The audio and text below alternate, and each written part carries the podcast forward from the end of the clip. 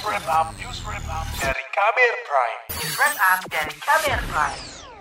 Ratusan orang memadati jalan-jalan di Jakarta ketika iring-iringan para pebalap MotoGP melakukan parade di Jalan Tamrin Sudirman. Antusiasme publik cukup tinggi mengingat Indonesia kembali bakal menjadi tuan rumah penyelenggaraan balap motor bergengsi MotoGP, yaitu di sirkuit Mandalika, Nusa Tenggara Barat.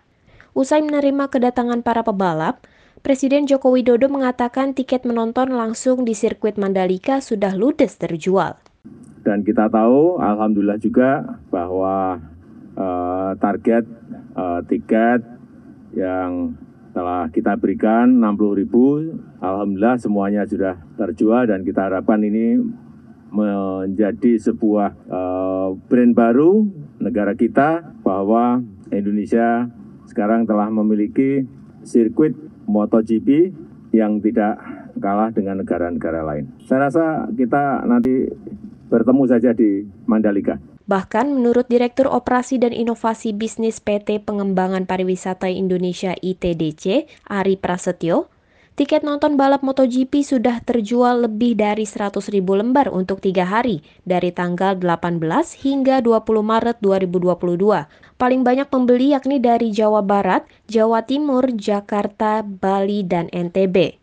Kalau yang luar negeri yang pasti 2.500 yang official itu mereka datang, tapi kan mereka bukan penonton, mereka official, kru, pembalap dan lain sebagainya itu semua orang luar negeri, berbagai warga negara. Tapi kalau yang penonton bisa dibilang mungkin ya hampir 100% orang Indonesia. Dari mana mereka? Ada yang dari Lombok, ada yang dari luar Lombok. Tapi memang yang paling banyak dari data pembelian tiket kita itu adalah nomor satu uh, Jawa Barat, Jawa Timur, ya DKI Jakarta, Bali dan NTB. Ari mengatakan pembeli tiket paling banyak untuk menyaksikan balap di hari ketiga, yakni Minggu 20 Maret 2022. Hal itu bisa dimaklumi karena memang balapan puncak digelar pada hari Minggu. Sementara untuk balapan hari Jumat dan Sabtu, datanya masih fluktuatif. Tak cuma tiket pertandingan, rata-rata kamar homestay dan rumah-rumah warga yang disediakan untuk para tamu MotoGP di kawasan desa wisata di Lombok juga sudah penuh oleh tamu dari luar daerah.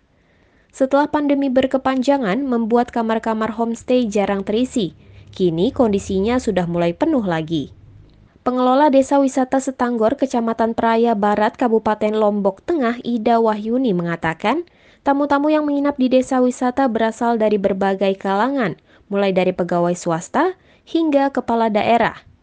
Di Setanggor, hampir 70 kamar homestay dan rumah warga sudah dipesan dan ditempati. Para tamu disuguhi aneka hiburan tradisional khas desa wisata termasuk membuka galeri tenun yang menjadi warisan budaya di desa wisata setempat. 69 kamar sold out. Satu yang anu agak bagus kan yang punyanya Bupati Minahasa Utara sama istri sama stafnya enam orang.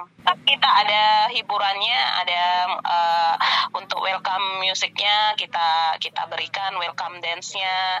Terus ibu-ibu penenunnya, galeri tenunnya juga semua kita buka. Ida mengatakan hadirnya gelaran MotoGP telah memberikan manfaat yang besar bagi masyarakat lokal, terlebih pelaku wisata yang selama ini menggantungkan hidupnya di sektor pariwisata. Antusiasme juga diungkapkan oleh penggemar MotoGP asal Jakarta, Pendi yang bakal menonton ajang MotoGP di Mandalika. Pendi bahkan sudah menginap di dekat lokasi sirkuit Mandalika sejak tanggal 17 kemarin. Dirinya bakal menonton pertandingan hari Sabtu dengan tiket yang dibelinya seharga 1,1 juta rupiah dan hari Minggu dengan tiket yang ia beli dengan harga 1,6 juta rupiah. Pendi menjagokan pebalap Fabio Quartararo untuk menjadi pemenang di ajang ini. Harapannya ya ke depannya ada event-event kayak event kayak MotoGP ini lagi ya, tapi uh, mungkin lebih dimasuk akalin terkait harganya ya soalnya kalau dibandingkan dengan Sepang yang biasa kita lagi kita nonton dan harga tiketnya pun sangat berbeda jauh sekali kayak gitu jadi mungkin uh, bisa dipertimbangkan di aspek itu. Demikian laporan khas KBR, saya Astri Septiani. Kamu baru saja mendengarkan news wrap up dari KBR Prime. Dengarkan terus kbrprime.id, podcast for curious mind.